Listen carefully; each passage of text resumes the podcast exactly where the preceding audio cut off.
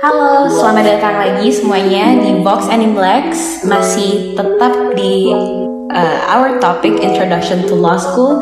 Today we're going to talk about being ambitious in law school. And today kita punya guest star yang tepat banget nih Untuk ngomongin soal ambitiousness and also um, being very smart in her studies uh, Can you please introduce yourself Kak? Well, hello teman-teman semua. Um, sebelumnya aku mau berterima kasih banget buat teman-teman di Juris Prestige, Talita, Travis, and Kalista for inviting me to this cool portal. Cool, cool. I think it's a cool initiative. So, firstly, um, aku itu uh, Bachelor of Law dari dari Unpad dan sekarang ini aku as you guys may be aware aku itu lagi pursuing my master degree in Master University for Globalization and Law major. Gitu. The pleasure is all ours, Kak. We're so thrilled and we're so honored to have you here in our podcast. Uh, karena uh, walaupun aku dari universitas yang beda sama kakak, I heard so many stories, of course, good stories about you, about your achievement, dan apa namanya uh, kehidupan kakak sebagai law student di Universitas Pajajaran. Menurut aku, it's very inspiring. Terus habis itu, we'll get into that in no time. Uh, to dive further into your academics life and also your life in general. So, how are you doing, Kak, right now in Maastricht? Oke, okay, uh, sekarang sih aku lagi settling myself down in here in this new town. Uh, somehow it's excruciating for me, like um, capekin sih dan memang untuk settling myself down tuh memang butuh time. Jadi memang uh, intinya uh, aku punya waktu sebulan untuk masuk ke kuliah aku. Jadi memang I think it's enough time to like uh, know the city kayak gitu-gitu dan making friends and so on. Hmm, I heard uh, di uh, di samping kakak juga mahasiswa berprestasi ya, kakak juga apa namanya udah pernah intern di beberapa tempat, such as HHP Law Firm, and also you worked as a legal assistant di Umbra for six months before you go to Maastricht. Iya benar, aku sempat gitu, iya. Hmm, that is very inspiring. What makes you ini kak? What makes you choose to take your master's degree? Uh, Sebenarnya aku itu dari lulus memang pengen banget langsung uh, kuliah, langsung kuliah S2. Nah, tapi mungkin karena zaman dulu aku tentunya pasti ngejar untuk scholarship dan lain-lain dan memang pas aku lulus itu kebetulan aku lulus Februari 2020 itu kayak pertama kali corona jadi memang uh, untuk dapat scholarship or even untuk dapat kerja itu susah banget. Dan memang uh, syukur banget aku udah dapat kerja sebelum aku lulus sebelum aku graduation itu di HP dan mungkin enaknya aku harus tahan tahun dulu untuk mengejar keinginan aku untuk S2 dan untungnya banget aku sekarang udah bisa ke sini karena memang seingat aku tahun 2020 itu uh, banyak uh, sekolah-sekolah di luar negeri as in um, Aussie atau misalkan UK atau US tuh yang kayak ngeban kayak nutup sekolahnya untuk kayak terima international students. Nah jadi baru sekarang nih kesempatannya aku bisa uh, dapat untuk sekolah lanjut gitu. Uh, very inspiring. Aku juga pengen sih kalau misalnya apa namanya sebenarnya my actual goal itu juga kayak kakak gitu. After I graduated, I directly want to continue my studies buat master's degree. Tapi kayak right now kayak I can't seem to choose mau fokus ke mana gitu. Tapi enough about me. Uh, I think yang aku pernah denger nih dari teman-teman aku dari uh, Unpad ya kak, dan it's also confirmed akhirnya karena aku akhirnya nge-stalk Instagram kakak that you have this holy grail G Drive yang isinya tuh tentang uh, materials in law school dari year one until final year. And everybody itu masih pakai itu dari sekarang buat belajar dan bahkan juga buat uh, apa namanya referensi buat uh, buat skripsi gitu karena di situ juga ada kayak detail detail-detail on your skripsi gitu kak. Nah Aku tuh pengen nanya apa sih yang memotivasi kakak buat mengumpulkan notes-notes itu dan kemudian kayak berniat untuk share itu tuh ke semua orang. Soalnya itu kan pasti kayak it's a lot of work gitu kan kak buat apa namanya mengumpulkan notes-notes itu. Oke, okay. uh, long short story itu jadi aku memang dari SMA selalu suka making summaries. Jadi kayak it's basically things that I do to prepare myself for the upcoming exams. Jadi mungkin uh, Talita atau teman-teman Insurance Prestige di sini mungkin punya caranya sendiri untuk belajar, untuk mempersiapkan diri untuk exam. Nah, misalkan kayak ngomong, ngafalin sambil ngebaca, atau misalkan ada juga yang sistem kebut semalam dan lain-lain. Nah, for me, itu memang yang paling efektif adalah making summaries. Jadi backgroundnya kurang lebih gitu. Nah, habit aku ini aku bawa sampai ke kuliah dari maba aku selalu buat rangkuman tuh hmm. kayak misalkan uh, dan kebetulan juga rangkuman aku yang aku buat setelah aku masuk kuliah ini bentukannya diketik. Jadi memang lebih mudah untuk di-sharekannya. Jadi uh, lebih mobile lah istilahnya. Awalnya sih sebenarnya teman-teman deket aku tuh udah sadar dan memang kayak aku juga suka ngasih kayak misalkan volunteering ngasih gitu. Dan memang ada yang monthly ingetin aku kayak eh mau dong Dri catatan lu dan lain-lain gitu-gitu kan. Even one of my junior kayak bisa minta yang kayak sebandel gitu Dri minta dong rangkuman lo semester 3 dan semester 4 kayak gitu-gitu. Hmm. until one day dan intinya uh, surprisingly ini inline sama visi dan misinya platform kalian ini yang keren banget ini. Itu uh, aku sa aku sampai di titik di mana kok aku hampa ya nggak ngelakuin sesuatu yang impactful for others. Hmm. kayak impactnya tuh aku pengen yang real dan jangkauannya luas akhirnya aku mikir kayak the least thing I can do adalah untuk nge-publish uh, my summaries gitu jadi kayak intinya kalau misalkan aku juga keep it to myself aja kayak jadi nggak berguna gitu hmm. kan hmm. berguna untuk untuk diriku aja kayak gitu jadi memang aku memutuskan untuk nge-share biar lebih useful buat orang lain dan aku akhirnya milihnya platform G Drive biar lebih accessible dan lain-lain. Dan sebelumnya sebenarnya kalau misalkan kamu klik uh, link di bio Instagram aku itu dan sebelumnya aku kalau nggak salah pernah ngupload juga di LinkedIn mm -hmm. aku bikin preface dulu. Kayak aku bilang kayak please use uh, my summaries wisely. Karena uh, ada aja misalkan orang mau pakai ini buat nyontek dan lain-lain kayak gitu-gitu kan. Nah, tapi mungkin aku sih sebenarnya lebih ke nge-encourage teman-teman and especially my juniors or my classmates kayak intinya buat lebih semangat belajar sih karena uh, somehow tuh kayak dosen-dosen kita kan kadang-kadang menyampaikan materi kadang-kadang ada yang masuk, ada yang enggak, ada yang jelas, ada yang sama sekali jarang masuk misalkan. Nah, uh, semoga dengan ada summaries aku ini yang aku share dengan sangat mudah diakses ini bisa membuat teman-teman dan sekitar aku tuh uh, intinya nilainya bagus lah ini kayak gitu gitu sih untuk untuk persuade mereka untuk belajar lebih bagusnya di kuliah gitu sih itu motivasi aku. Uh, hebat banget ya gitu. jadi awalnya itu cuma habit buat nyatet doang, terus habis itu akhirnya sadar kalau misalnya hobi ngumpulin catatan, terus habis itu kayak uh, sadar kalau misalnya this is not only a dedication for academics, kayak kakak juga pengen mau uh, dedicate yourself to the community yang lebih luas gitu jangkauannya kak istilahnya Terus iya benar benar benar. Terus habis itu you wanna give back to them. Terus habis itu kebetulan uh, catatan-catatan kakak lengkap. Terus habis itu juga apa namanya ini membantu buat orang-orang yang ya walaupun sebenarnya mungkin salah sendiri ya nggak fokus di kelas tapi kayak membantu orang-orang yang suka nggak fokus di kelas gitu untuk akhirnya mendapat summary yang lengkap gitu.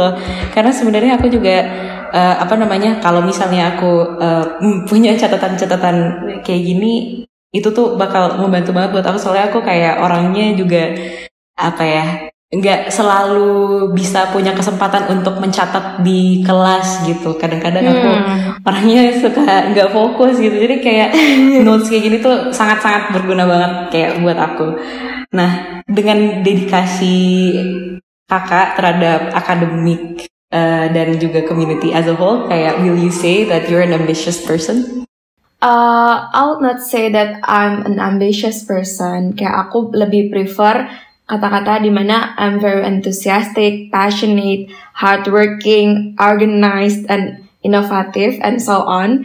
Mungkin kata-kata ini lebih cocok buat aku karena vibesnya lebih positif karena aku ngerasa dengan uh, being someone very enthusiastic to something kayak akan menghasilkan sesuatu yang akan impactful for others gitu. Nah, ini memang uh, kalau misalkan balik lagi seperti yang aku jelasin sebelumnya, aku tuh memang punya kayak moto kehidupan gitu yaitu being impactful for others. Tadi aku ulang-ulang berkali-kali. Karena hmm. ini uh, uh, intinya di semua bucket list yang aku punya aku tuh pengen memang uh, pasti kamu pengen kan punya aku mau S2 aku pengen kerja di sini aku pengen um, mencapai titik ini ya kan? Pengen punya titik ini dan sampai titik ini di umur segini dan lain-lain. Nah, in, tapi yang what keep me motivated itu memang tadi yang kayak be impactful for others yes, gitu. Jadi course. itu uh -huh. yang kayak membuat aku hmm. seakan-akan terlihat sangat ambis ambisius untuk mengejar uh, kayak my list, my bucket list gitu-gitu. Dan yang paling penting uh, adalah aku tuh sebenarnya pengen banget uh, selalu kayak membuat orang lain terinspirasi sama aku kayak gitu. Jadi masa jadi kayak cara aku untuk memberikan impact ke orang lain adalah dengan kayak gitu. Karena for me life isn't about getting or having, it's about giving and being. Gitu sih Talita. Hmm, inspiratif banget ya kak. And I don't say this just because kayak aku apa namanya aku emang peng aku emang pengen ngomong inspiratif tapi kayak ini aku baru ngomong 10 10 menit sama kakak aja kayak aku udah terinspirasi aku kayak udah mikir ke depannya itu aku pengen belajar apa aku jadi di kepala aku itu aku jadi kayak pengen nyusun KRS aku untuk dua tahun enggak sih enggak dua tahun dua semester ke depannya kayak gimana gitu kayak nyusun my study plan for the long run hmm, yeah. ini apa namanya ini sesuai banget nih sama kata being impactful for others. I think talking to you for even 10 minutes is impactful. tapi apa namanya dari tapi dari my experience nih kak kayak apa namanya uh, se-motivated apa pun kita, terus habis itu se-passionate apa kita, se-enthusiastic apa pun kita kadang-kadang we all have our bad days gitu kayak yeah. kita manusia setiap hari-hari kita dem demotivated gitu kayak Uh, does it also apply to you kayak kakak juga demotivated nggak dan kayak gimana sih caranya how to get up again dari being demotivated gitu? Oke, okay. tentunya aku pernah demotivated for sure. Pasti kayak uh, kamu akan ngalamin semua kegagalan-kegagalan hidup dan enaknya demotivasi lah ya dari aku kuliah sih sebenarnya. Nah mungkin kalau mau tahu contekan dikit nih buat teman-teman di sini, sebenarnya uh, hal kegagalan kegagalan dan cobaan-cobaan tuh akan semakin terasa ketika kamu nanti lulus. Itu seluruh lika-liku kehidupan akan kamu rasain dan kayak contohnya nih ya mungkin like how hard and frustrating kayak untuk find settle job, kayak cari kerja pun susah, apalagi kayak tiba-tiba kamu udah dapet kerja, kok ngerasa it's not myself, kayak ini bukan passion kamu dan kamu kayak burn out tiap hari, itu akan kamu rasain dan tapi mungkin kalau misalkan boleh nge-share ke uh, share ke teman-teman semua di sini, memang banyak banget life decision yang aku buat uh, setelah aku lulus. Dan uh, salah satu uh, depresi terbesar aku adalah yang aku rasain uh, beberapa bulan terakhir ini. Dan itu membuat aku demot lumayan lama kayak gitu. Jadi memang kan uh, aku itu mau um, meneruskan studi aku ke luar negeri gitu kan. Nah, kebetulan aku tuh mengalami di mana aku ditolak dua scholarship dan aku nggak bisa apply satu scholarship yang bisa dibilang sangat prestigious. Uh, sebut saja LPDP LPDP karena kebetulan uni aku ini itu nggak masuk di list LPDP dan yang dua scholarship yang nolak aku itu adalah Stunet dan uh, OTS Orange Tulip Scholarship. Nah itu jujur aku sedih banget dan merasa depresi yang lumayan lama lah. Aku kayak uh, apa sih yang salah dari aku dan lain-lain. Nah, tapi mungkin yang bikin aku bangkit lagi dan istilahnya mengembalikan uh, motivasi hidup aku itu adalah aku selalu ingat ini.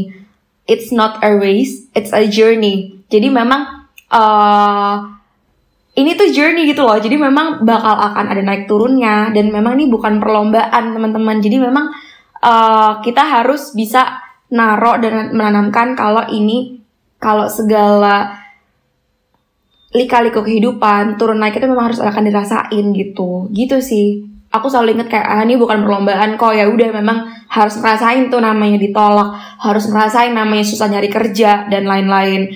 Mungkin kalau misalkan teman-teman yang masih kuliah harus ngerasain tuh susahnya nyari dosen pembimbing, eh menghubungi dosen pembimbing, bimbingan, kayak gitu, gitu sih. Pasti semua ada masa-masanya dan itu itu phase aja dalam kehidupan, gitu. Hmm, hmm, hmm, hmm, itu yang paling penting ya kak kayak itu kita harus mikir kalau misalnya uh, ini tuh cuman salah satu fase dalam kehidupan kita yang uh, hmm. semoga semoga aja panjang ini gitu kayak take a step back dan lihat kalau misalnya ini perjalanan yang panjang dan kayak Benar. apa namanya saat satu apa namanya satu masa atau kayak satu kesalahan satu hmm. ketidakberuntungan yang yang terjadi dalam hidup kita itu itu tuh bakal lewat aja gitu as the time goes by dan kayak uh, as our journey continues gitu. Iya benar jadi kayak nggak usah takut kalau misalkan kamu misalkan ya uh, let's say kayak kamu agak ketinggalan lah atau misalkan kamu nggak dapet nggak achieve apa yang kamu sudah pengen banget dan lain-lain kayak gitu. Kayak kamu punya jalan jalan yang lain gitu kayak kan journey kan jadi bisa lewat kanan lewat kiri bukan perlombaan yang bener, lurus bener, dan cepet-cepetan kayak gitu gitu sih hmm. karena gitu. Itu juga penting diingat sih kak buat apa namanya teman-teman semuanya kayak apa namanya jalan orang tuh beda-beda yang di kanan kiri mungkin harus muter balik dulu. Benar benar mungkin benar. jalanannya ada yang ditutup ada apa namanya ada yang lewat jalan tol kebetulan hmm. ketemu jalan tol Ya itu bener banget gitu. Uh, apa namanya kalau misalnya dalam konteks pelajaran nih mm -mm, tentang apa namanya being motivated and not motivated untuk apa namanya passionate dalam suatu pelajaran itu tuh kadang-kadang tuh bukan gara-gara mood kita lagi demot atau kayak lagi termotivasi kadang-kadang tuh kayak apa namanya emang pelajarannya sendiri gitu loh yang di apa namanya yang kita hadepin. Kayak kadang-kadang uh, apa namanya learning methodnya atau kayak mungkin substance subjeknya itu kayak kita nggak suka nih. Nah uh, apa namanya ntar Kak Indri boleh nggak bagi tips ke teman-teman semuanya gimana caranya buat meng, buat menghadapi kalau misalnya kita kayak lagi apa namanya menghadapi subjek-subjek atau kayak pelajaran-pelajaran yang kita nggak suka gitu tapi after this commercial This podcast is brought to you by Juris Prestige, one stop for all of your legal knowledge needs, from Indonesian law students for Indonesian law students. Don't forget to give us a follow on Instagram at Juris Prestige. Or if you're interested in becoming a volunteer, send us your inquiry through jurisprestige.id at gmail.com. Thank you everyone for waiting. And kembali lagi bersama aku dan Kak Indri buat ngomongin yang uh, apa namanya yang tadi aku udah jelasin tentang apa namanya all of my questions on the subjects that we hate gitu kayak for example aku gitu bakal ngambil hukum agraria lagi nih next ah, semester. ah, okay. karena aku aku kurang beruntung aja di pelajaran itu gitu. Dan mungkin juga ada beberapa teman-teman kita yang lain yang mengalami situasi yang sama gitu. Kayak itu tuh bukan mood belajarnya yang nggak ada atau kayak uh, demotivated karena ada sesuatu gitu. Cuman kayak pelajarannya itu susah banget dicerna gitu kalau mm. Kainri sendiri, do you have a least favorite subject di sekolah? Eh, di Fakultas Hukum. Mm-hmm. Terus habis itu gimana caranya sih buat kayak mengumpulkan kemauan buat mempelajari hal-hal yang kita nggak suka ini? Oke, okay. jadi dulu itu I was a criminal law student. Jadi memang um, aku dulu uh, PK pidana karena memang aku tertarik di bidang itu. Tapi memang kalau mau cerita sedikit sih aku nggak kerja di pidana akhirnya sekarang. Nah, jadi memang, nah kalau misalkan ditanya subjek yang paling aku benci itu aku dulu paling nggak suka hukum administrasi negara atau any subject yang berhubungan sama ini kayak misalkan kalau di Unpad itu namanya Hapratun, hukum peradilan tata usaha negara. Jadi memang kalau bukan bukan karena aku nggak suka sub, substance tapi mungkin lebih ke kayak uh, aku nggak suka juga dosen-dosen yang ngajar di situ kayak gitu-gitu. Tapi memang uh, sebenarnya kalau sub, as substance kayak misalnya sub, dari ngembadan dari substance ya aku sih suka semua seluruh bidang hukum. Cuman lebih kayak aku nggak mau kerja di bidang situ gitu. Jadi jadi jadi males kan kayak gitu. Nah sejujurnya dulu uh, yang memotivasi aku biar aku suka istilahnya adalah aku cuman pengen kayak walaupun aku nggak suka subjek ini tapi aku pengen tetap dapet A. Dulu aku selalu mikir kayak gitu. Nah sebenarnya cara aku simple banget sih. Aku dulu kayak gini. Aku dulu menanemin kalau misalkan aku tuh nggak boleh egois dan nggak boleh meninggikan ego aku kalau aku nggak suka. Jadi aku harus tetap dengerin dosennya walaupun aku sebel banget dan aku berusaha untuk nyatet semua apa yang dia omongin kalau masih nggak jelas aku biasanya caranya aku ngebantalin lah istilahnya itu adalah membeli buku sebanyak-banyaknya tentang matkul itu gitu. Jadi biasanya aku ngakalin ketika misalkan ada uh, assignments atau lain-lain, aku ngasih kayak reference yang banyak. Jadi at least aku kelihatan kalau misalkan aku niat untuk belajar ini dan semoga dengan membaca banyak buku ini yang aku istilahnya aku nggak ngerti lah penjelasan dosennya di kelas itu at least bisa menaikkan nilai aku dan ngebantalin semoga aku tetap dapet A kayak gitu. Tapi sebenarnya sih menurut aku ya gimana ya uh, itu itu very old minded gitu loh. Dulu aku sangat termotivasi dengan GPA tapi along the way itu sebenarnya aku ngerasa GPA is just a number gitu. Jadi kayak uh, ya udah nggak apa-apa kalau menurut aku misalkan kamu nggak suka nih ya kalau kamu nggak suka at least kamu lulus aja gitu. Jadi at least kamu tetap bisa masa lulus pas the subject maksudnya kayak jadi maksudnya biar at least kamu bisa uh, lulus dari FH gitu. Jadi nggak apa-apa menurut aku. Karena balik lagi nanti mungkin kita uh, kita bahas lagi gimana aku mengartikan GPA is just a number. Karena sebenarnya aku makin bisa membuktikan kalau GPA itu bukan sesuatunya hal yang dinilai lah dilihat lah orang oleh uh, recruiter gitu. Oke, okay. thank you banget kak, komprehensif banget nih jawabannya berlapis dan gara-gara metodenya berlapis nih, aku juga bakal terapin itu. Jadi aku bakal mikir dulu nih kayak pokoknya aku harus dapat A dulu nih di hukum Iya, benar. Nah, tapi kalau misalnya mungkin di tengah-tengah akhirnya aku capek gitu daripada aku memaksa diri aku sendiri mm, gitu, mm. Uh, tar aku ganti motivasi aja di tengah jalan kayak ya at least aku harus lulus pelajaran ini biar iya, aku bisa lulus at FH least, betul cepet betul. gitu. Ha-ha. gitu karena kalau kalau di Unpad ya menurut aku juga di uh, di UGM juga kayak gitu.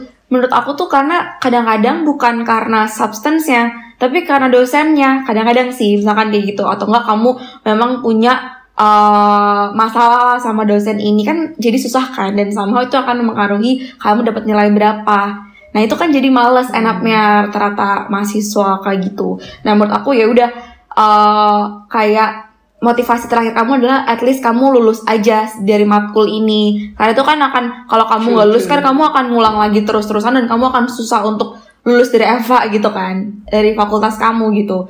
Jadi at least ya udah misalkan dapat B aja udah nggak apa-apa gitu. Kalau aku sih dulu berusaha Iya sih, kayak gitu. Gitu Nah, kalau itu tadi kan berarti uh, method untuk uh, gimana caranya biar kita bisa menghadapi dan at least get through the subject that we don't like. Nah, kalau misalnya metode khusus buat fokus belajar itu kayak itu punya metode tersendiri nggak sih? Ada metode khususnya nggak sih? Nah, kalau boleh sharing, dulu itu aku sebenarnya tipenya sangat suka eh, belajar sendiri. Jadi sebenarnya ini agak mengeluarkan banyak uang ya sebenarnya. Karena aku dulu suka me time di coffee shop, dengerin lagu sendirian dan aku biasanya kalau belajar itu atau mungkin entah belajar atau ngerjain tugas kayak gitu, aku memang eh, suka sendirian. Memang kayak misalkan eh, dari buku aku catat ulang. Dan itu kayak salah satu salah satu produknya adalah summaries aku kayak gitu. Jadi memang berapa aku kayak nyantumin Hmm. ini sumber dari mana sumber dari mana. Jadi istilahnya kalau aku lebih suka belajar mandiri. Ada juga kan teman-teman yang sukanya belajar sama eh, untuk fokus ya dan intinya dapet langsung buat untuk prepare untuk eh, ujian besok paginya. Itu adalah misalkan jam 7 jam 7 malam ngumpul di satu tempat terus ngobrol-ngobrol nge, eh, ngebahas materinya kayak gitu kan. Nah kalau aku sih lebih suka nyicil, yang pertama nyicil di coffee shop, dengerin lagu, terus aku tulis ulang. Nah itu tuh aku akan sangat amat fokus kayak gitu. Kalau aku sih dulu gitu sih tahu kayak untuk biar lebih intilanya istilahnya nyantol lah uh, ininya pelajarannya gitu. Hmm. Ini salah satu metode yang patut dicoba ya kalau buat teman-teman semuanya yang belum pernah nyobain metode belajar sendiri dan juga bikin summary dari sebuah buku atau mungkin dari sebuah journal, dari artikel atau mungkin bahkan dari video re-recording dosen gitu. Hmm. Terus habis itu kayak nyantumin sumbernya, belajar sendiri, dengerin lagu di coffee shop atau bahkan mungkin uh, apa namanya nggak harus di coffee shop, mungkin depan kosan gitu kan ada iya. teras, bisa duduk, benar, benar, benar. gitu. Kayak gitu. Hmm Nah, kalau misalnya nih, Kak, kan sebenarnya nih kadang-kadang uh, kita udah melakukan semua usaha yang kita udah bisa kerahkan gitu kita atau kita udah berusaha untuk nge-overcome uh, apa namanya kemalasan kita untuk belajar hal-hal yang kita nggak suka kita juga udah nyoba metode metode metode yang berbeda buat fokus tapi itu kadang-kadang hasil yang uh, kita dapat tuh tetap gak sesuai ekspektasi gitu kayak uh, bahkan mungkin apa namanya uh, borderline mengecewakan gitu.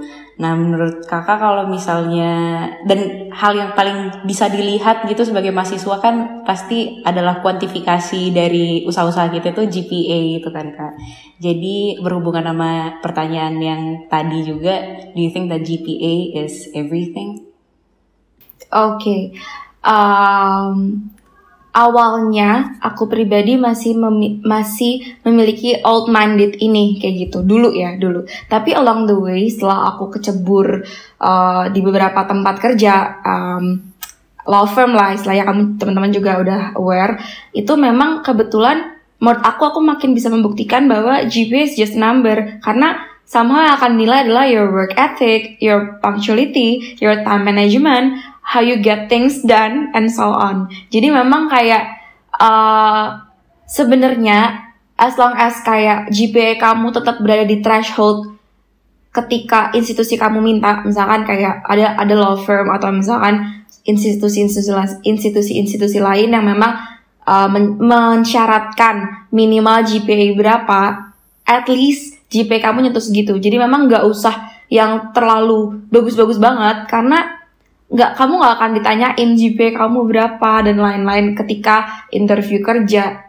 dan lain-lain kayak gitu. Dan mungkin selain tadi law firm setahu aku juga memang GPA itu bisa um, menjadi salah satu hal yang dinilai ketika kamu daftar CPNS cuman tenang aja itu cuman bagian yang misalkan kamu ngambil jalur cum laude. Kalau misalkan kamu ngambil jalur yang biasa dan itu setahu aku lebih besar uh, porsinya apa istilahnya uh, spotnya gitu itu nggak sama sekali nggak lihat GPA sama sekali. Jadi kamu nggak perlu khawatir dan nggak perlu insecure kalau misalkan GPA kamu tuh nggak satisfying gitu.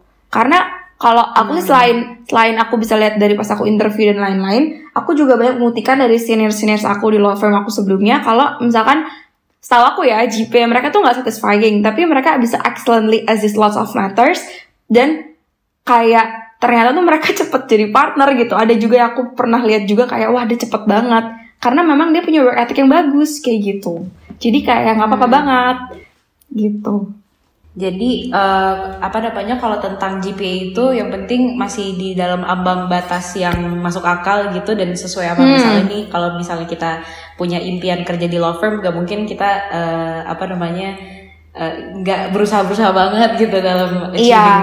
that threshold of GPA, iya. tapi juga at the same time kayak don't force yourself to go above and beyond gitu untuk mendapatkan GPA empat koma lima bahkan lebih dari 4. Iya. Dan kayak apa namanya? Always remember kalau misalnya nanti di dunia kerja itu bakal beda lagi ya Kak pace-nya tuh tiap Benar. orang. Benar. Dan gak, dan bahkan dari a very practical point of view pun uh, apa namanya GPA itu maksudnya walaupun it's something it's not always everything gitu ya kak iya uh, mungkin tadi aku sempat ngejelasin setahu aku soalnya beberapa law firm tuh mensyaratkan misalkan minimal GPA 3 atau enggak minimal GPA 3,2 atau misalkan aku lupa berapa. Nah, tapi istilahnya at least mencapai itu. Itu kan nggak terlalu susah kan, misalkan kayak gitu. Jadi kalian nggak usah uh, muluk-muluk untuk punya GPA yang sangat amat tinggi gitu, nggak apa-apa. Karena memang setahu aku juga bahkan aku sempat dengar salah satu uh, senior aku dari Unpad dia masuk di salah satu law firm even GPA dia itu sebenarnya diambang bahkan di bawahnya dari thresholdnya itu jadi kayak kan 3,00 di GPA dia itu 2,95 tapi setelah pas interview dia bisa setahu aku tuh memang ditolong hmm. ditarik gitu ditarik dan ternyata dia sangat amat hmm. sukses di law firm itu jadi memang teman-teman di sini nggak perlu insecure kalau misalkan uh, GP kalian tuh nggak satisfying gitu. Oke, ini menarik banget ya ini uh, kasusnya walaupun mungkin ini apa namanya one in a million ya kasusnya hmm, kayak hmm. gini karena apa namanya pasti pasti selain uh, GPA-nya itu dia ada kayak faktor-faktor lain yang menolong di menolong uh, senior kakak ini untuk bisa masuk law firm itu gitu. Jadi kayak Benar. it's also important to to know your strength. Kalau misalnya emang ini ya kak, kalau misalnya emang GPA-nya is not very very high itu kayak know your own strength kayak bisa diperkuat di mana karena toh contohnya juga tadi itu pas interview akhirnya dia bisa masuk gitu. Mm -mm. Uh, ini apa namanya karena waktu kita udah hampir mendekati habis, jadi I think that was my last question.